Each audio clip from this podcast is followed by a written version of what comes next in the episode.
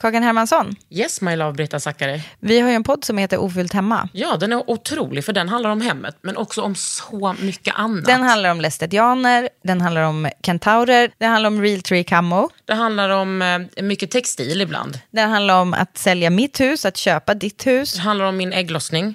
Alltid. Ja. Min också. Tack. Den heter Ofullt hemma och den finns där poddar finns. Hörs i podden, hej då! Ryan Reynolds here from Mint Mobile. With the price of just about everything going up during inflation, we thought we'd bring our prices down. So to help us, we brought in a reverse auctioneer, which is apparently a thing.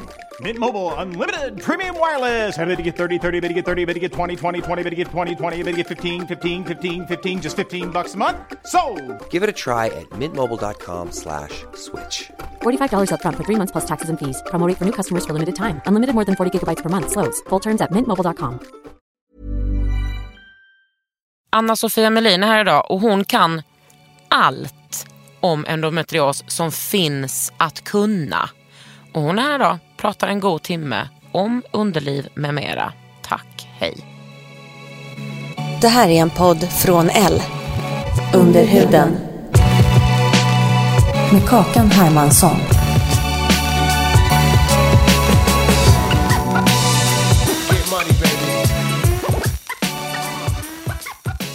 Anna-Sofia Melin, du är läkare. Ja, Du är gynekolog va? ja. Ja. Hur eh, trivs du med det då? Eh, ja, jag trivs väldigt bra eh, förstås. Eh, jag tycker att det är fantastiskt att jobba med eh, kvinnor under hela livet. Vi har både de unga, jag jobbar på ungdomsmottagning och sen har vi ju hela ja, den vuxna kvinnan och den äldre kvinnan. Ja. Och också personer som inte är kvinnor va? men som kanske har en slida. Alltså transpersoner. Ja. Viktigt eh, vill jag bara få med här i början. Absolut. Jag tänker vi kommer ju säkert prata mycket om kvinnor. Men vi vill också säga redan från nu att vi inkluderar ändå transpersoner, intergenders, som har någon slags eh, slida. Absolut. Och äggstockar och livmoder och sånt som händer där nere. Som jag har inte så mycket koll på. Men det har ju du. Ja, Ja. Visste du från början att du ville bli gynekolog? från början ville jag bli lärare men sen blev det läkare. Nej men det där är stor skillnad. Ja, men jag tror att det är det här med att liksom sprida kunskap och få fördjupa sig i något Ja. och se människor växa, att kunna vara lärare och ha elever. Eh, och det är en stor del av läkaryrket också. Ja. Eh, men jag gick gynkursen som sista kurs på läkarutbildningen och då kände jag wow, det här är något som Ja. jag vill hålla på med. Hur, jag har många läkarkompisar eh, och alla mina kvinnliga läkarkompisar, vänta, alla är kvinnor. De har, från, när de har börjat på läkarprogrammet har alla sagt jag vill bli gynekolog. Men väldigt få har blivit det. Men hur ser det ut i rent hierarkiskt? Hur ser gynekologi ut? Alltså var, man är, om man är liksom, jag tänker kardiologer, så här hjärtpersoner, de, de tror att de är gudar. Ja. Hur är det med gynekologerna? Var ligger ni i hierarkin? Ja, gynekologi är ju en kirurgisk specialitet så de brukar ju ligga lite högre upp. Men där ligger vi nog bland ja, lågt på kirurglistan om man säger. Mm. Är det för att det har med just kvinnor att göra? Ja, det är inte så glamoröst att stå där och eh, man är ju också förlossningsläkare. Mm. Det är ganska blodigt ibland och stora ingrepp så. Det är inte så eh, glamoröst. Även om alla är tacksamma för att det finns en doktor när Mm. det kniper. Så Eller när det inte kniper om man säger så. precis, Mm. det också. Men om man håller på med penisar, har man högre status då? Ja, det tror jag. Då är man ju urologläkare Ja. och det är lite högre status. Då, då bara gick du den där kursen och bara, fan gynekologi, Mm. det är min grej. Och jag hade faktiskt en handledare på akuten som hon råkade bara säga till mig så här. Du har väldigt bra handlag med patienterna. Det här skulle pa- kanske passa dig. Och det där har också följt med mig under livet. Jag tänker bara den här lilla, lilla uppmuntran kan verkligen göra att man växer och känner ja, jag kanske ska hålla på med det här. Ja. Hur gammal är du? Jag är 47 år. Ah. Fan, du är liksom redan så... Jag blir stressad. Du är väldigt välutbildad. Men det är jättebra. Jag ska inte bli stressad. Det handlar inte om mig. Och hur gammal var du när du utbildade dig? Jag gick ju direkt från gymnasiet till eh, läkarlinjen så att jag var färdig när jag var 24. var jag färdig läkarexamen och sen gjorde man AT specialistutbildning. Nu är ju det här en podd så ni ser inte att jag tappar hakan. Har du läkarföräldrar? Nej, Nej. det har jag inte. Vad jobbade de med? Eller jobbar de? Eh, min pappa jobbade på eh, Bonniers bokförlag med Ah. böcker. Han gick tyvärr bort när jag var, jag var bara 11 år. Mm. Och min mamma har jobbat eh, administrativt inom polisen med kontorsarbete. Mm. Men uppmuntrade de dig att du skulle... Alltså för mig är läkare liksom det sjukaste yrket. Ja. Nej, de, jag tror att mamma tyckte att det var lite udda att välja det. Och Att jag pluggade så mycket, höll på med mina läxor. Och jag tror att hon tyckte att det var lite märkligt kanske. Så, men eh, ja, det var, det var starkt i mig att jag ville Ah. göra Jag det. kan känna en stor, inte missunnsamhet, men en avundsjuka. För det är verkligen, hade jag varit lite mer flink på de ämnena så hade jag verkligen, eh, fan läkare är och psykolog. Speciellt läkare, det är, jag tror också för att jag har haft så himla mycket med vården att göra. Från t- min syster var sjuk i cancer när hon var liten. Och jag har, fan jag älskar läkare, de har ju räddat livet på henne. Jag älskar undersköterskor och sjuksköterskor och jag har jättebra erfarenhet av vården. det, Ehm. det är ju roligt att höra faktiskt. För det är ju ganska mycket kritik också. Ja, ja men gud, såklart. Ofta är man ju väldigt tacksam att det finns sjukvårdspersonal, att det finns läkare och sjuksköterskor och undersköterskor verkligen när man behöver det. Och det, det är ju fantastiska människor som jobbar inom vården. Det, man brinner ju för sitt yrke och brinner för att göra gott. Ja. Och vad, var- skulle du säga, det kanske är svårt att reflektera så, men skulle du säga att din, för jag antar bara att du är feminist, liksom, att din feministiska analys har förändrats sen du eh, pluggade liksom, tills nu när du jobbar med det? Ja. Och det är ju för att man möter ju så många kvinnor dagligen som... eh, Ja, dels inom gynekologin att mycket handlar ju om mens och preventivmedel, aborter, föda barn. Allt det här som eh, kan leda till livskriser eller ställa till problem eller vara helt fantastiskt i livet. Men också ser man ju många kvinnor som far illa. Man möter eh, våldtäktsoffer, man möter eh, eh, hedersförtryck, eh, ja, alla möjliga eh, saker. Så det, ja, jag ska säga att jag har eh, fått en, blivit starkare i min feminism av att jobba i detta. Hur upplever du att dina kollegor ligger till rent feministiskt? Jag, jag tror att läkargruppen generellt är väl kanske lite mer konservativ, kanske lite mer till höger, kanske inte riktigt vågar stå för åsikter utanför det medicinska. Det- De nosar på biologismen liksom. Ja, och där känner man sig trygg. Och går man liksom utanför det och börjar diskutera politik eller andra saker då, då blir man lite osäker och vet inte hur det ska tolkas av chefer, arbetsgivare. Ja, och sen ska ju, jag menar vården är ju helt fri så att säga från politik och, och ja, fördomar ska det ju också vara naturligtvis. Alla har ju samma rätt. Men, eh, så, så det har aldrig varit ett inslag så. Men vi skulle nog behöva det. Jag tror att vi läkare skulle behöva stå på oss mer och komma ut i eh, sociala medier och eh, uttrycka oss mer och stå upp för det vi, vi står för. Vi står ju för att göra gott så att säga. Ja, för jag menar samtidigt så även om, om vården ska vara fördomsfri så lever vi ju i ett transfobiskt, rasistiskt, eh, sexistiskt väldigt och klasshatande, fetthatande samhälle. Och det syns ju på alla instanser men framförallt i vården tänker jag. Men vad var det i gynekologin som fick dig att bara Nämen, I love a god uh, eh, blygdläpp eller eh, eh, uh, clit- glitoris eller typ livmoder. Ja. En del patienter frågar ju det. Hur kan du stå ut med att göra såna undersökningar hela dagen? Men det är ju...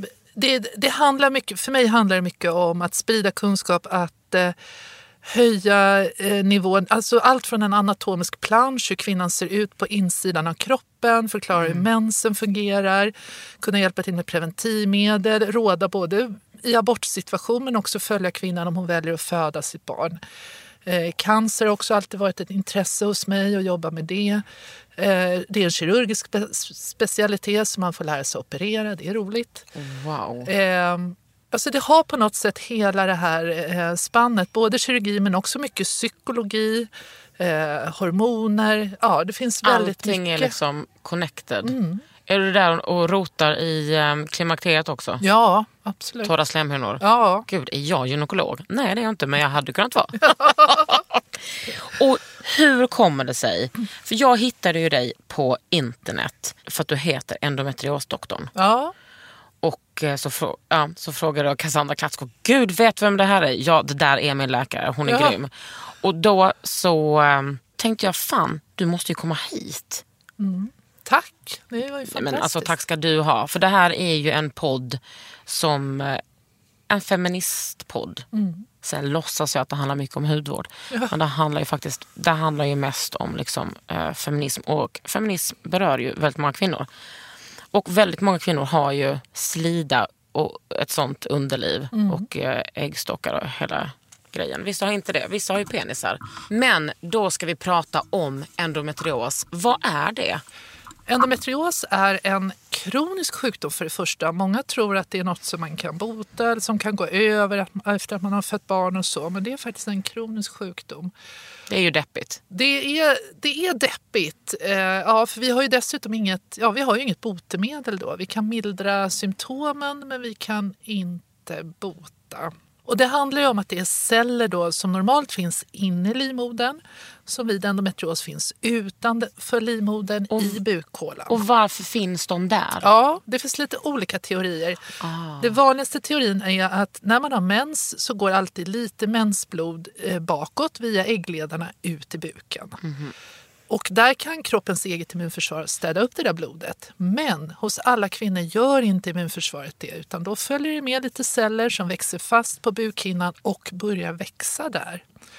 Och sen när eh, man har mens så blöder det i de här prickarna och härdarna inne i buken och det gör jätteont och ger inflammation. Så varje menstruation blir som en megainformation Ja. på olika ställen. Ja. Men vad fan, alltså det här borde ju evolutionen tagit hand om. Ja, det har ju, den här sjukdomen har ju funnits i alla tider så det är inget nytt Ja, det påfund. vet man så. liksom. Det vet man. Det finns beskrivet i gamla Egypten till och med. I gamla testamentet, I gamla Rut. testamentet och innan dess. Och hur har man beskrivit det då? Ja, alltså som kvinnor med svår, svår Mm. smärta som kanske svimmar och kräks Mm. och att det är kopplat till eh, menstruation. Mm. Men den tid vi lever i nu, där hinner ju man ha ganska många menstruationer innan man föder barn. Man, vi får mens tidigare, vi föder vårt första barn senare. Och så har ju mänskligheten inte levt förut. Så har kvinnor inte levt förut. Och det finns ju en risk att endometrios faktiskt ökar. Om man eh, tidigare fick barn, kanske redan vid 15, 16, 17 års ålder, då hann det här kanske inte utveckla sig på samma sätt som det gör idag. Men tänker du, alltså för att min första tanke är ju så här, why God? Eller inte why God utan bara why body? Varför gör, alltså kroppen är ändå smart nog att fixa rätt mycket. Varför håller den på så här? Och det kan, jag vet, det är en skitstörig fråga att ställa till dig. Ja, för det är ingen som vet svaret. Nej. Så då kan jag svara enkelt så. Men det, det är ju det som gör att det här är så spännande. Varför tillåts den här sjukdomen växa i kroppen på det här sättet? Det är ju egentligen bara cancersjukdomar som, som växer Mm. så här. Men det här, endometrios är absolut ingen cancer. Men, men den tillåts växa på platser i kroppen där det inte ska vara. Och det gör ju att det är oerhört spännande faktiskt. Man tänker ju så här, hatar kvinnokroppen sig själv? Ja, Är den liksom fylld med kvinnohat och vill vara sådär taskig mot sig själv? ja. Man blir ju liksom filosofiska rummet i kvinnokroppen. Eller hur? Och, och hur liksom, för att, du vet när, när mina kompisar som är diagnostiserade med endometrios, när de börjar prata om det så är det som att jag bara, men så där hade ju flera av mina kompisar när vi var små, att när de fick mens, jag hade, också, jag hade svåra menssmärtor men jag har liksom inte, du vet, jag kunde ta några Ipren och sen så var det ändå helt okej. Men det här är ju liksom kvinnor och flickor som kräktes, svimmade som du säger. Var, alltså inte kunde gå i skolan. Och det var ingen som hade, det var ingen som hade respekt för det. Nej. Eller ens trodde på det. Som när kvinnor berättar om all, hela sin verklighet. Så är det ju ingen som tror på det. Och då förstår man ju nu när man blir vuxen, man bara 20, f- liksom 25 år senare, ah, de, de hade endometrios och har nog det nu. Och lever med det. hur har forskningen, nu är det 2018, hur har forskningen sett ut rent historiskt? Alltså endometrios var ju en, en, alltså en, en, säga, en erkänd sjukdom. 60 och 70-tal när de första titthålsoperationerna kom. Det var vanligt att man gjorde laparoskopier. Är, är det laparoskopi eller titthål? Ja, det är samma sak. Det är så man ställer diagnosen. Men sen försvann endometrios som diagnos ur stora medicinska läroverk under 80, eh, alltså böcker under 80 och 90-talet. Men gud, kan det ha att göra med liksom att vi gick från en mer så medveten kollektivism mot en individualism på 80 och 90-talet? Man undrar vem som var redaktör för de böckerna. Tänkte så här, ah, vi stryker endometriosavsnittet. Det är ingen som, som vill ha med det längre. Kan det varit en man? Nej men det är helt otroligt. Och nu håller väl pendeln på att slå tillbaka åt det positiva hållet och framförallt att man pratar mer om mens. För det är viktigt. Det är ju viktigt att flickor, kvinnor, livmoderbärare vet när man ska söka hjälp. Om vi inte pratar om mens, då kan man inte heller veta om mensen är sjuklig så att säga. Om, det är något, om jag har mer mensvärk än någon annan. När jag jobbar på ungdomsmottagningen brukar jag fråga tjejerna så här, har du mer mensvärk än dina kompisar? Så man liksom får något att relatera till. Och, då, Och då att man fattar att man ska prata om det så man kan jämföra. Ja. Jag, visste, jag, jag hade ju full koll på alla mina kompisars mensvärkar.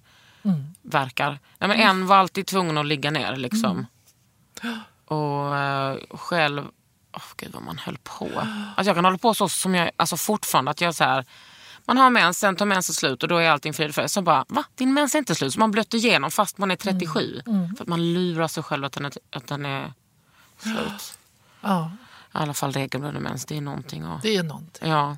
Nu måste det ju endometriosen fått ett uppsving, eller i alla fall uppmärksamheten fått ett uppsving. För att det handlar så mycket om att kvinnor som har endometrios belyser det så mycket. Ja, ja. Att man skriver Instagraminlägg, man bloggar om det, man skriver eh, liksom, eh, debattartiklar. Ja. Man står, inte, eller man står inte ut längre utan man vill eh, ha hjälp, man vill ha vård och man vill ha respekt och, och förståelse från arbetsgivare, anhöriga, lärare. Eh, Partners. Ja, partners, absolut. Och jag tycker ingen ung person ska ju missa högstadie, gymnasie, utbildning, jobb på grund av mensbesvär. Nej. Vi måste nå längre, vi kan bättre. Men det är ett evighetsarbete. Kunskapen är låg i, hos allmänheten och hos sjukvårdspersonal och gynekologer. Precis, och det är det som eh, många eh, exempel som jag hör, också som har kommit in, frågor till dig, är att eh, det verkar vara, att det är samma, jag har ju grova PMS-besvär, att det är liksom lite hugget som stucket vad man får för hjälp. Och därför säger jag vill, jag vill bara ha feministiska eh, gynekologer. Jag vill bara träffa folk, jag vill, jag vill inte ha någon cisman som ska vara där och rota för det första. Du får tycka vad du vill, men jag tycker det är sjukt med cismen som blir gynekologer. Jag vill bara ha kvinnor som är där nere. Och eh, också samtalet. Där vill jag bara vara med kvinnor. Men det, det verkar vara många som har sökt sig till gynekologin där liksom det finns så många gynekologer som liksom inte har någon koll på vad endometrios är. Hur kan det vara så? Hur kan det vara så? Och det ingår ju naturligtvis i utbildningen men kanske i ganska liten grad då, med tanke på om det nu är 10 procent av alla i fertil ålder som har det här. 10 procent? Ja, det, det är den uppskattning man gör och då är det 200 000 kvinnor i Sverige i så fall. Eh, och det är ju jättemycket. Och jag tror att, eller det finns flera orsaker. Dels är det okunskap hos läkare, absolut. Eh, man gör sin undersökning, man kanske gör ett ultraljud, man ser inget, man säger allt ser bra ut, du har inte endometrios. Men Vad- det kan man inte säga. Se- Kan man se det på ett ultraljud? Man kan se det om man har bildat endometrioscystor, endometriom, på äggstocken. Det Mm. kan man se med ultraljud. Men ofta sitter endometrios bara som små prickar på bukhinnan. Och då ska, måste man göra titthål? Mm. Titta in i magen. Sen har det väl ansetts vara en jobbig patientgrupp att, att jobba med. Gud ja, Eh, kvinnor som har ont. Kvinnor som har ont och, och vill ha smärtstillande mediciner och vill ha hjälp och inte vill jobba. Och, ja, det finns alla möjliga hemska berättelser som man får höra. Men, men det har nog också gjort att många har valt att, att inte jobba med den här patientgruppen trots att det är ju en av de vanligaste gynekologiska diagnoserna överhuvudtaget. Det, min, min lilla syster är sjuksköterska, jobbar på en kirurgavdelning. Hon gjorde, eh, sk- skrev sitt exarbete om sjuksköterskor och vården generellt, deras, hur de bemöter kvinnor versus män i smärtlindring. Och det var ju exakt samma resultat som hon har kollat på undersökningar i USA och hur man, eh, hur man ger smärtlindring till vita versus eh, eh, patienter som rasifieras. Att det är, liksom, det är samma. Kvinnor och rasifierade eh, anses som hysteriska, ljuger, överdriver, vill bara ha droger. Det är liksom... Hur är det möjligt att man kan se det så? Och jag har också patienter som har olika diagnoser och kan komma in för alltså, gallsten. Då får man smärtlindring. Men kommer de sen någon månad senare för sin endometrios och kanske har ännu mer ont? Nej, här ger vi ingen smärtlindring. Och i vilket läge? Varför? Vi, en som har brutit armen vägrar vi väl inte smärtlindring? Eller, nej, jag förstår inte hur, hur tanken eh, går. Nej, men det är 1000 procent kvinnohat. Ja. Det, men det är, ja, det är Eller det är en bild av att vi ska stå ut, att vi ska Ja. bita ihop. Ja, men är inte det kvinnohat så säg. Jo. Det är så starkt ord, men det, Mm. jag får tänka lite på det. Ja. Jo men det, för, ja, för mig är det absolut kvinnohat. Men också, inte bara att vi ska stå ut utan att vi inte tål så mycket. Nej. Vi tål inte och du får väl, eh, du överdriver och så farligt kan det inte vara. Mm.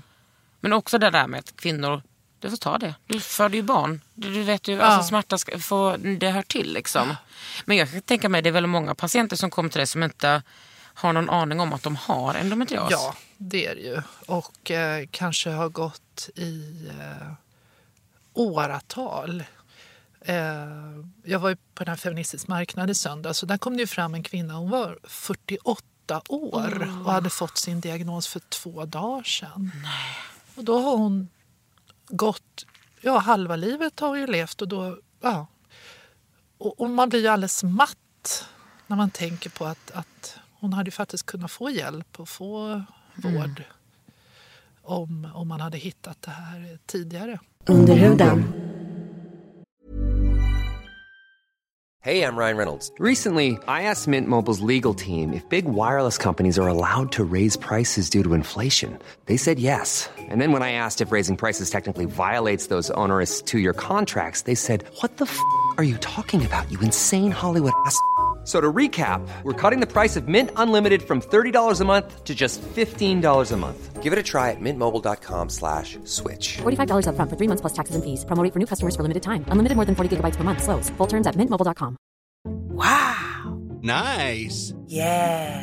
What you're hearing are the sounds of people everywhere putting on Bombas socks, underwear, and t-shirts made from absurdly soft materials that feel like plush clouds. Yeah, that plush.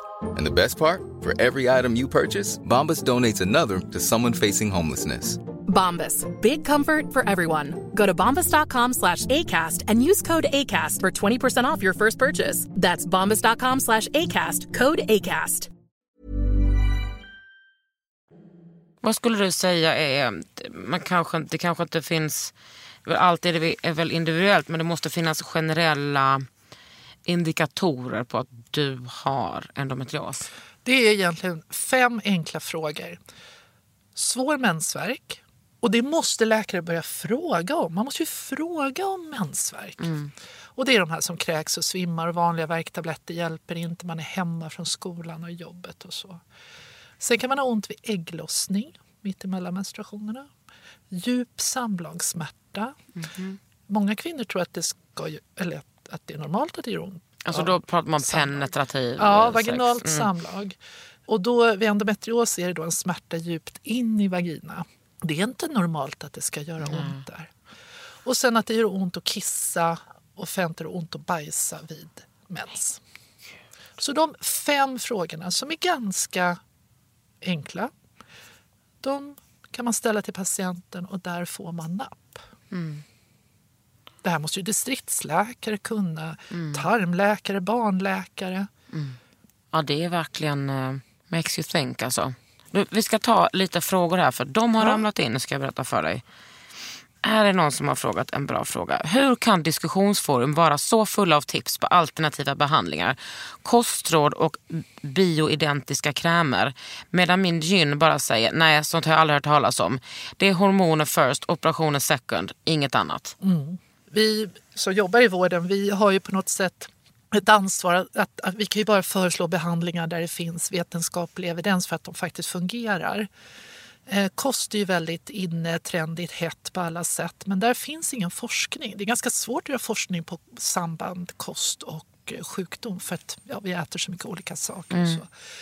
Så där finns faktiskt inga råd att ge. Och när det gäller bioidentiska hormoner som verkligen är ett, ett getingbo att peta i så är det samma sak där. Att där finns ingen forskning på endometrios när det gäller bioidentiskt progesteron då, som är det som, som används. Så vi vet faktiskt inte vilken dos man ska ge och hur det funkar.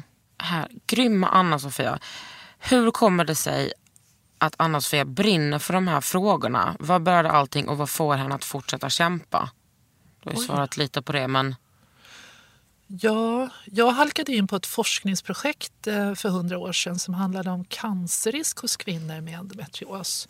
Och då var, då var det här att jag ville jobba med cancer och tyckte att det var spännande. Men så, ja, så började jag med det, jag höll på med det i väldigt många år. Och, och lärde mig om den här sjukdomen som jag tycker är oerhört fascinerande. Och sen eh, när jag var klar med avhandlingen och, och började jobba i öppenvård så ja, då, då fick jag de här patienterna och började jobba med det. Och det är oerhört givande. Man får följa sin patient, man provar olika behandlingar. Ibland går det bra, ibland går det dåligt. Eh, men det är så fantastiskt att se när det går bra. När hon kan börja jobba igen eller gå klart skolan eller när hon kommer och visar sin lilla bebis. Det här att jag startade Instagramkontot nu, det var faktiskt för att jag fick en hälsning. Jag fick en blombukett av en patient som jag inte hade träffat på ett tag. Men hon skrev att jag hade förändrat hennes liv. Och, och då ger det lite mer kraft och lite mer energi att liksom kämpa. det, det är faktiskt en som har skrivit Åh, Anna-Sofia är världens bästa läkare. Hon har gjort mitt liv med endometrios så mycket mer hanterbart genom att vara sympatisk, lyhörd och extremt kompetent. Jag skulle vilja veta vad som görs just nu inom endometriosforskningen och vilka framsteg hon hoppas på. Ja, oj, nu blev jag nästan lite... Nu rodnar jag här. Ja, det är bara att rodna på. Eh, ja, forskning, vad händer egentligen? Det, det pågår ju mycket forskning alltså på genetik, på eh, immunförsvaret, eh, miljön i livmodern, eh, mycket kring fertilitet och endometrios. Vi skulle väl behöva kanske lite nya läkemedel som inte har de här ibland väldigt tunga bieffekterna. Hormoner som ger nedsatt eller gör att man blir nedstämd till exempel. Där, där skulle det ju vara trevligt om vi fick lite andra behandlingsvägar. Vi skulle också behöva långsiktiga studier på kirurgi för vi vet inte om det är bra på lång sikt. Och därför är det också svårt att, råda patienterna där hur man ska göra. Men, vad- hur ser det ut nu när alltså den eh, gemene endometriospatienten, vad får hen för tips? Alltså vad får den för behandling? det, det är ju ändå ganska ofta så att man kanske gör en titthålsoperation, en, en laparoskopi och tittar in i magen och då hittar man endometrios och då tar man bort det man ser. Men sen måste man ju komplettera med behandling för annars kommer sjukdomen tar man bort det? tillbaka. Man skär bort eller bränner bort under, när man gör titthålsoperationen. Och då, då tar man titthål via magen och sticker in? Ja, man går in via naveln, i botten på naveln med en kamera och tittar runt i hela buken. Och då styr du den där kameran lite? Ja. Nu gör jag inte det längre, men tidigare gjorde jag det. Alltså man, man snittar upp där och sen stickar man in den bara? Ja. Fy fan vad coolt. Och brännverktyg? Då öppnar man två öppningar till lite längre ner på buken och kan stoppa in sax och brännverktyg och pincetter och man kan sy och man kan göra allt möjligt. Gud, blev sugen fast jag inte har endometrios. Ja, Alltså vilken cool grej. ja. En del får ju med sig video efteråt. Då kan man se sen hur man ser ut inne i magen. Wow. Men är det liksom, hur lång tid tar det att bränna bort och liksom klippa bort grejer? Det beror på hur mycket det är, men det kan ju ta allt från 20-30 minuter till ibland flera timmar om man måste ta bort en bit av tarmen om man har avancerad endometrios. Och då sitter de här blodplupparna på tarmen? Ja, det kan de göra. Och på- vad händer med tarmen då? Ja, det eh, blir ju, när endometriosen får verka under flera år så blir det ärrvävnad då till slut, fibros. Och då kan det klämma åt tarmen så att det faktiskt blir eh, det allvarligaste är om det blir helt stopp i tarmen. Men det kan i alla fall vara ett hinder för tarminnehåll att passera förbi där. Du kan säga bajs om du vill Anna-Sofia. Tack. Poop. Poop.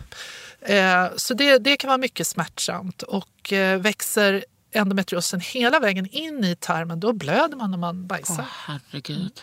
Och likadant med urinblåsan, kan växa in i urinblåsan också. Åh fy fan vilken smärta. Ja. Tänk varje gång du ska gå på toa. Nej men det är... Och så, och så undrar man vad fan är det här? Och så är det bara någon som gör en vanlig gynundersökning. Nej men vi ser ingenting. Nej. Vilket hån mot kvinnor och andra personer. Ja, och det vet man. Det är ju tyvärr en grupp som har risk för psykisk ohälsa, verkligen. Ökad risk för depression och ångest och så. Mm. Det är väl för, dels för att man har smärta, det orkar inte hjärnan, klarar inte av det under längre tid. Nej. Men också att bli misstrodd och ifrågasatt. Sen ska man vara kvinna utöver det vanliga livet och bli liksom bli behandlad som man blir. Men eh, så ponera, du går in där, tjoff tjoff, skrapar bort det där, klipper, bränner. Och sen syr man igen de där hålen. Hur länge håller det då, den behandlingen? 50 procent får återfall inom tre år. Om man inte gör någonting efter det. Så vi sätter alltid in hormonell behandling efteråt. Och vad gör den eh, behandlingen? Den gör att du har så låga östrogennivåer. Det har vi nog inte sagt, men endometrios lever på östrogen. Så att du trycker ner kroppens egna östrogennivåer så mycket som möjligt så att du svälter ut den endometrios som finns. Du har ingen mens, det kan inte bildas någon ny endometrios. Och det är då p-piller eller? P-piller, precis, de hormonella preventivmedlen är det enklaste. Och sen finns det tuffare hormonbehandlingar att ge sig in på också. Ja, så att om man vill bli med barn, då får man bara låta det liksom... Då får man sluta med sin behandling. Då ju. Och det är ofta ett ganska jobbigt skede. Då blir många rädda, oroliga. Ska jag få tillbaka den här förbaskade mensen nu? Och samtidigt som man ska då eh, skaffa sig ett barn. Då undrar jag, om man då till exempel är lesbisk eller eh, ska göra IVF eh, av någon annan anledning och inte går på p-piller såklart utan vill bli gravid och eh, då äter hormoner eller tar hormonsprutor eller nässpray, vad man nu gör när man ska göra IVF. Hur påverkar det? Det är ju faktiskt så att, att de här, eh, den här sista hormonbehandlingen man gör precis innan IVF, det sätter ju fart, det ökar östrogennivåerna och sätter fart på äggstockarna så det kan vara ganska smärtsamt där. Eh, Men Det hinner ändå, de- om vi pratar om en behandling ungefär en månad för att eh, få ut ägg liksom, och sen stoppa en ägglossning och sen plocka ut äggen. Hinner det växa till sig på den Nej, månaden? det gör det inte. Utan mer att det är smärtsamt just veckorna före äggplockningen. Där. Men inte att själva endometriosen hinner växa till. Nej. Men så det är liksom fan lite köttigt där liksom att vara lesbisk och ha endometrios. Men man får ju fortsätta med sin hormonella behandling ända fram tills det är dags att göra den här Ja. äggstimuleringen. Cool, bra att veta. Det här är en otrolig fråga. Vad kan man göra som bästa vän till någon som har endometrios? Jag känner mig så hjälplös hela tiden. Det där var en jättebra Ja. fråga. För att Otrolig. jag tror att, ja precis. Det viktiga är ju att man får inte förminska besvär. Man får inte liksom tycka, ah, vadå mensvärk, ta en Alvedon. Så. För, det, för det här är väldigt, väldigt svår smärta.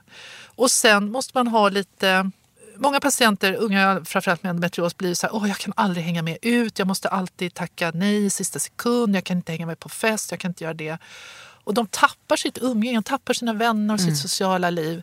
Och där är det jätteviktigt att man som kompis och vän stöttar och är beredd på att ja, hon, hon kunde inte följa med ut ikväll men det betyder inte att hon inte vill det eller så. Utan det är för att hon är sjuk och ligger jätte, hemma och har jätteont. Så där, Man där kan måste stanna man hemma med henne. Man kan vara hemma. Kolla på en precis. god film, ha en Ja, hemmafest. Hemmafest. Hemmatefest. Ja, precis. Många blir sämre av att dricka alkohol Mm. också faktiskt och berättar att de har jätteont dagen efter ofta. Men det sätter ju igång hela tarmsystemet Mm. tänker jag också. Ja, alltså någonting som har varit bra för mig, för mina kompisar, är att de bara, okej nu ska jag berätta för dig hur det verkligen känns. Jag har ont hela tiden. Jag har så jävla ont. Eh, och det är skitjobbigt för mig. Och eh, jag vill att ni kommer ihåg det. Det hjälpte mig skitmycket. Ja, det var jättebra. Och det är ju jobbigt att det blir så att det, det ligger på den personen som är sjuk att redan ta ännu mer ansvar. Men Verkligen.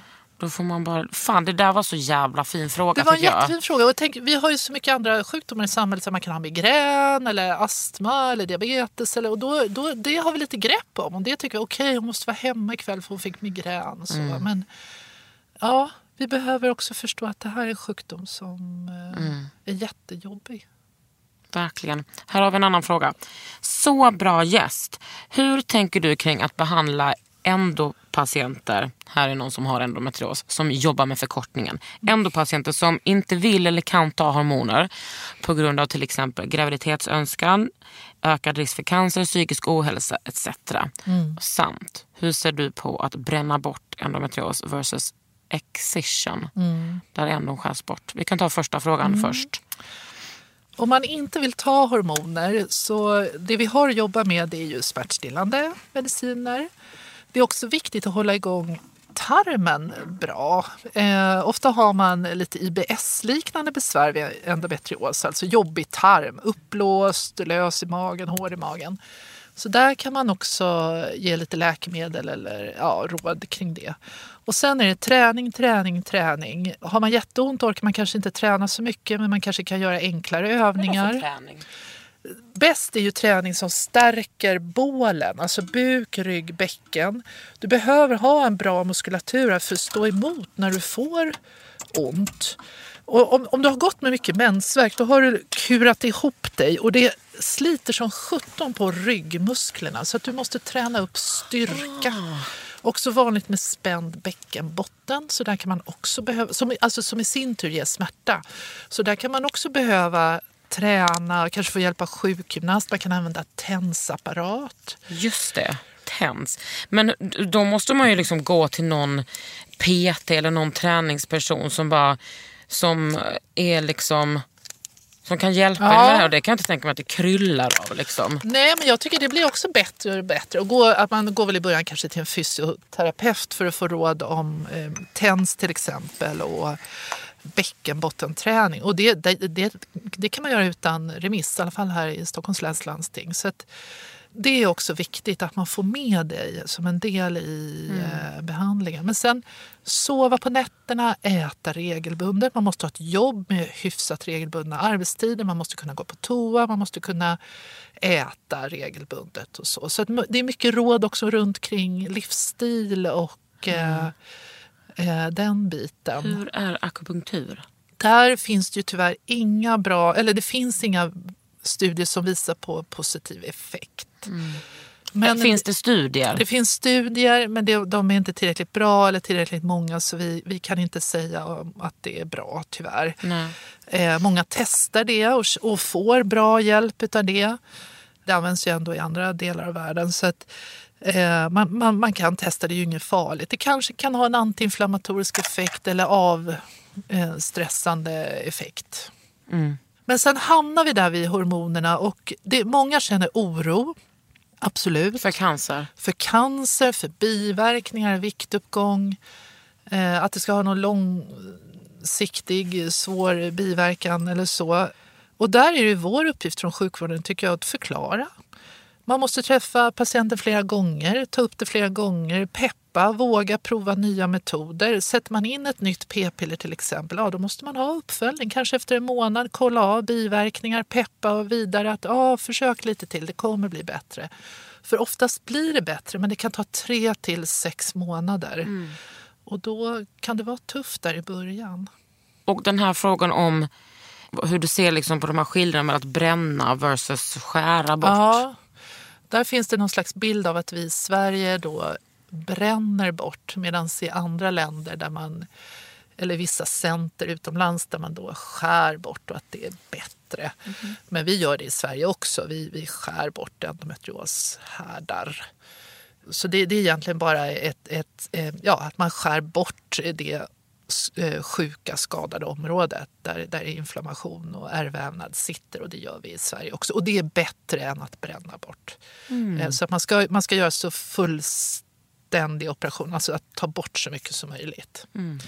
När man har skurit bort det, hur plockar man ut det då? Det gör man genom de här hålen i magen. Man kan eh, eh, stoppa in en liten påse, ett litet nät eller en liten plastpåse och stoppa ner bitarna och sen dra ut. Det är helt otroligt. Hur ser de bitarna ut? Är det bara lite kött? typ? Ja, det är allt från små, små eh, provbitar till, ja, du kan ju ta bort en cysta på äggstocken. Nu måttar hon upp flera centimeter här med sin tass. Sin läkartass. Här är en otrolig fråga. Det var den första jag fick. Varför får jag galet ont i höger axel vid mens? Och hon bara, ja jag får jätteont. Jag får mer ont i axeln än i magen. Frågar hur länge har det varit så? Det har varit ungefär ett år. Vissa gånger värre än andra, men det börjar och är värst på dagen jag blöder mest. Kommer som en blixt och kan också försvinna som ingenting har hänt. det är en jättebra fråga, spännande. Man kan ha endometrios på undersidan av diafragmamuskeln. Och då luras hjärnan. Då säger hjärnan att man har ont uppe i axeln, kallas för referred pain. Och du hade liksom ett svar på det här. Anna Sofia, du är gud. Tack. Nej. Sen finns det faktiskt att de som har endometrios inne i lungsäcken. Men alltså. Men det här med axeln, jag tror faktiskt att det kan vara sån här referred pain, att, att det är hjärnan som luras. Skönt. Och det ser man också vid, en- vid en titthålsoperation, tittar man ju upp under eh, diafragmamuskeln också. Du har inte endometrios va? Nej. Skönt. Inte jag heller. tack. Mm. Kan man gå hos dig även om man inte har endometrios? Ja. I'm coming alltså. Jag behöver ha en feminist som är där. Alltså, jag vill inte ha någonting annat. Nu läser jag en lång fråga. Jag har haft problem med stora smärtor vid mens extremt länge. Och när jag sökte vård för det sa de mest att det möjligtvis skulle kunna vara endometrios. Men gick inte vidare med det utan satte mig enbart på p-piller. Gud, nu blir jag så här att jag... Varje gång jag får mens nu är det är, är ett helvete. Proppar i mig värktabletter men ingenting hjälper. Så jag ligger nästan bara i sängen under den perioden. Försökt söka vård på en gynekologklinik men skjuter alltid på det. Alltid på framtiden för att väntetiden är typ sex månader. Min fråga är varför man inte tar reda på hur det ser ut utan hittar en tillfällig lösning med ett problem som kan göra att man blir steril och minst sagt går med smärtor hela livet. Kram, kram. Kram till dig vill jag först säga. Jävla as. Det, vi har ju någon slags eh, konsensus i Sverige att innan 18 års ålder gör vi inte titthålsoperation. Eh, det är ändå ett ganska stort ingrepp, man är helt sövd och, och så. Ja, det är det. Och där, och då, utan då ser vi ju individen att, att det gäller då svår mensvärk och då provar vi något hormonellt eh, preventivmedel. Och funkar det då, alltså att man, man blir smärtfri, då, då är ju på något sätt alla nöjda. Alltså inga biverkningar och så. Men om man provar ett hormonellt preventivmedel och ändå har ont, då är det ett annat läge. Och då måste man ju få hjälp. Ehm, man kan göra specialistultraljud, man kan göra magnetkameraundersökning eller då en titthålsoperation. Men självklart ska man få hjälp. Och du kan ju inte stå, stå till svars för alla läkare i, i hela Sverige eller världen. Men det där verkar ju vara någon... Det kan ju vara också slapphet och just det som vi pratar om, liksom sexism. Att, Ja, och det, det finns a risker här att om man, om man har blivit dåligt bemött ja, att man, eh, att man faktiskt inte går tillbaka och, och då blir man ju sämre i sin sjukdom. Man kanske får någon annan sjukdom och vågar inte söka läkare då heller. Man kanske inte vågar gå och ta sina cellprov hos barnmorskan. Det, det kan få många konsekvenser eh, man när blir man blir också, dåligt ja, bemött. man blir då liksom, mår psykiskt dåligt för man blir så jävla trött av den här smärtan Ja. och inte blir Ja. tagen på allvar. Okej, till dig säger vi, Sök sök. en second opinion, en ny doktor. Ja, fråga människor om det finns... Alltså jag säger alltid, du måste fråga efter feminister. Mm. Feministiska läkare, barnmorskor. Det, det måste finnas, även om du bor i en liten stad, det måste finnas någon sån. Byt stad, kan vi göra det? Vårdval. Ja, man kan, ja, man får söka öppenvård i hela Sverige. Ja, ditt underliv är prio. Och det ska du eh, ta på allvar. Mm. Knuten näve. Ja. Jag undrar, är det svårare för endometrios eh, livmödrar att bli gravida? Ja, det är svårare av olika skäl. Det är, det är svårt att bli gravid eh, för att man har sämre äggkvalitet. Varför har man det då? Därför att äggstockarna badar i den här inflammationssoppan eh, och det gör att äggen mår dåligt. Eh, om man försöker bli gravid, så att säga, man, kvinna hemma på vanligt sätt så överlever inte spermierna heller så bra i den här inflammationssoppan. Intressant. Och lyckas man sen bli gravid så är det svårare för det här eh, befruktade ägget att eh, växa fast i livmodern. Och det, där pågår mycket forskning. Det är jättespännande. Man vet inte riktigt eh, varför det är så. Och sen finns det ju studier som talar för ökad missfallsrisk. Det, det, har ju, det är studier som har både visat ingen ökad risk och ökad risk. Men det lutar nu nog åt att det är en liten ökad risk för missfall. Och för att klimatet inte är optimalt Ja. eller? Gud, jag är ju gynekolog, det har jag ju själv. Ja. Men äh, vad är bäst... ehm, vad gör man då? Man måste ju ha typ eh, ett färdigt alternativ för endometrioslivmödrar att presentera när någon vill bli gravid. Ja, där har vi nog inte så mycket. eh, Vi vet att, att det är bra att förbehandla. Så att, att en längre period innan man gör sin IVF så ska man stå på den här nässprayen Synarela eller sprutan eller någon tång det på. På något sätt så minskar det inflammationen och gör miljön bättre. Och det är, eh, då, då är det större chans att man lyckas med sin IVF-behandling faktiskt. Eh, men annars så har vi inga speciella ja, program eller råd eller just när det gäller endometriospatienter utan man får prova, man får göra mm, sin IVF och, och hoppas att, att det går bra så att säga. Tror du att eh, så här, fertilitetskliniker har extra bra koll på behandlingar för endometriospatienter? Vet du hur mycket jag skulle vilja svara ja på den frågan men eh, det är nog inte riktigt Nej. så.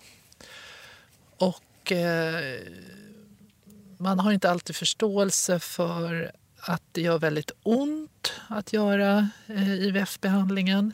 Att, att mensvärk och så är väldigt jobbigt mellan IVF-behandlingarna.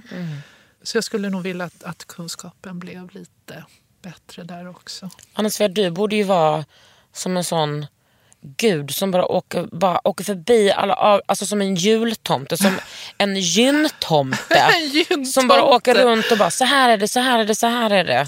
Är du bäst på endometrios i Sverige? Eh, nej, det, det skulle jag kanske inte säga. Men, men bland dem, jag är med i den gruppen där vi är Ja. bäst. Ja, jag får, får jag säga det då? Ja. Alltså Ja. vet du vad, här finns det verkligen utrymme för Ja. att säga sånt om sig själv. ja. Jag kan ju inte säga att jag är bäst på endometrios, men du kan göra det. Jag säger att jag tillhör topp fem. Boom! Fy fan vad schysst att du kom till mig idag. Helt otroligt. Tack för att jag blev inbjuden. Jo men alltså det här behövs. Men vi har frågor här nu. Varför åker så många svenska kvinnor till England för att operera sig? Finns det någon läkare i Sverige som har tillräcklig kunskap för att ta hand om oss? Här? Ja, Anna-Sofia har det. Men du, du får ändå svara på den här frågan.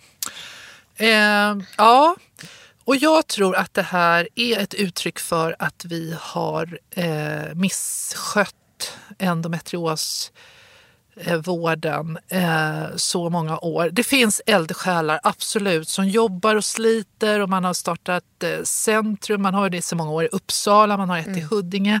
Men det räcker inte till. Det är så många kvinnor som möter misstro och blir kallade allt möjligt på akuten, eh, missbrukare och allt. Och, och man står inte ut längre, man måste få hjälp, man har ont. Och så dyker den här chansen upp att åka till London till exempel. Och, och jag, jag tror att det är för att vi har eh, behandlat den här patientgruppen illa. Det är det priset vi, får betala. Och det vi kämpar med nu det är att få tillbaka förtroendet för den svenska vården. För vi har bra vård i Sverige. Vi har bra endometrioskirurger. Vi gör de typer av operationer som man också gör utomlands. Eh, men vi kanske ger flera behandlingsalternativ. Vi kanske pratar om hormoner, om smärtstillande, om sjukgymnastik och inte enbart kirurgi. För man ska komma ihåg att vi faktiskt inte vet effekten av kirurgi på lång sikt. Nej. Men vad är, vad är det som händer i London? Där finns en eh, klinik, eh, jag tror att den heter Princess Grace Hospital, eh, där det finns en duktig endometrioskirurg som heter Peter Barton Smith. Och hans team, han har en bra ultraljudsläkare och bra patolog och så. Dit åker svenskar och eh, träffar honom och gör en, en konsultation och sen bedömer man om man ska göra operation eller inte. Och då betalar de ofta privat, mycket, mycket, mycket pengar. Men en del får i alla fall tillbaka sen från Försäkringskassan här hemma i Sverige. Men en del, ja. Det, Men då ska man ha råd att åka dit. Ja. Åh, fan, det är helt sjukt alltså. Ja. Ja. Om jag får säga det så ska man också tänka på att han driver ju ett vinstdrivande företag och, och tar ju betalt och, och tycker naturligtvis att det är roligt när det kommer kunder så att säga. Eh, och jag, jag, jag skulle vilja att, att man ändå eh, hade lite förtröstan och tro på att den svenska sjukvården faktiskt den är på väg att bli bättre när det gäller endometrios. Vi har bra kirurgi i Sverige också. Eh, men där får vi jobba. Vi får jobba jättehårt på det och för, förändra liksom bilden av svensk endometriosvård. Det kommer en fråga här som jag såklart går igång på eftersom jag älskar hud. Ja. Eh, någon som säger, kan endometriosen påverka hu- huden? Eh, är väldigt mycket sämre hy innan mens men tycker även det blir sämre vid skov. Ja, det är ju spännande. Ja, man blir sämre före mens, det är ju för att du har jättehöga nivåer eh, eh, progesteron, alltså gulkroppshormon i, i, i blodet. Så då, då kan du få sämre, sämre hy där. Hormonbehandlingar kan också försämra hyn, alltså ge akne. Men det här med skov är intressant. Då kan man ju fundera på om det är stressutlöst. Va? Att man blir väldigt stressad och eh, att då liksom blossar det där ut. Ja det kan väl ha massor. Jag tänker om, om man har skov, om man till exempel bara ligger hemma. Man bara ligger i sängen, man kanske äter dåligt. Ja. Eh, man kanske inte går upp och gör, tvättar sig eh, morgon och kväll. Det finns säkert så många yttre faktorer. Och inre såklart. Absolut. Och när vi ändå pratar om hyn, det tycker jag det är också, eh, just när det gäller akne är ju en jättejobbig biverkan faktiskt av p-piller och eh, gulkroppshormon och allt. Alltså om man drabbas av den så är det väldigt jobbigt. Det tycker jag också är någonting som nonchaleras lite grann. Att ah, lite akne ska man väl tåla. Men gud, Men det, det var därför jag startade hela den här liksom. podden. Ja. För att, så här, och min blogg, så här, människor med akneproblem och speciellt kvinnor eftersom det är liksom kvinnligt kodat och att syssla med beauty och, Mm. hudvård och det har ju såklart eh, jättelåg status det intresset. Att det är ju skitjobbigt. Jag har haft dålig hy, det var därför jag började jobba Mm. med det här. Jag har Det också haft jättedålig hy. Ja. Ser väldigt fin ut nu. Tack. Läkare. Du kan ju få vem som helst att skriva ut retinol till dig. Ja. Bara kräma in i den här goda retinolen som är alla krämjunkies stora dröm. Ja. Du behöver inte, du behöver inte erkänna Anna Sofia. Nej, jag det går det. bra. Det Men du, hemligt. tack för att du kom hit och utbildade mig och våra lyssnare. Och jag hoppas verkligen att alla endometriossyskon och systrar ute känner sig lite sedda. Och om man vill bli din patient, ja. Jag tar ju inga nya nu. Jag har fullt. ja, jag kan tänka mig det. Och vi måste bli fler. Det Mm. är bara så. Var, var jobbar du någonstans? Jag jobbar på Capio Globen eh, har vi i vår gynmottagning och så är jag på Huddinge ungdomsmottagning. Hört mycket om Capio eh, Globen. Kanske finns någon annan bra gynekolog där. Där har vi bra gynekologer. Ja, Om man ringer dit och säger jag vill ha en feminist, då får man det. Säg ja bara. det tror jag. Ja, kanske någon som känner sig manad. Mm. Du har lyssnat på Under huden med mig, Kakan Hermansson och Anna-Sofia Melin. Under huden med Kakan Hermansson. En podd från L.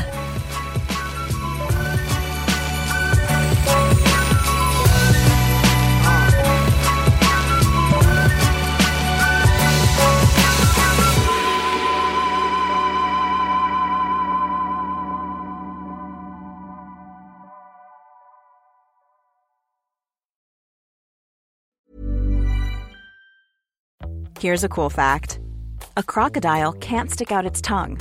Another cool fact you can get short term health insurance for a month or just under a year in some states. United Healthcare short term insurance plans are designed for people who are between jobs, coming off their parents' plan, or turning a side hustle into a full time gig. Underwritten by Golden Rule Insurance Company, they offer flexible, budget friendly coverage with access to a nationwide network of doctors and hospitals. Get more cool facts about United Healthcare short term plans at uh1.com. Want flexibility? Take yoga. Want flexibility with your health insurance? Check out United Healthcare Insurance Plans. Underwritten by Golden Rule Insurance Company, they offer flexible, budget friendly medical, dental, and vision coverage that may be right for you. More at uh1.com.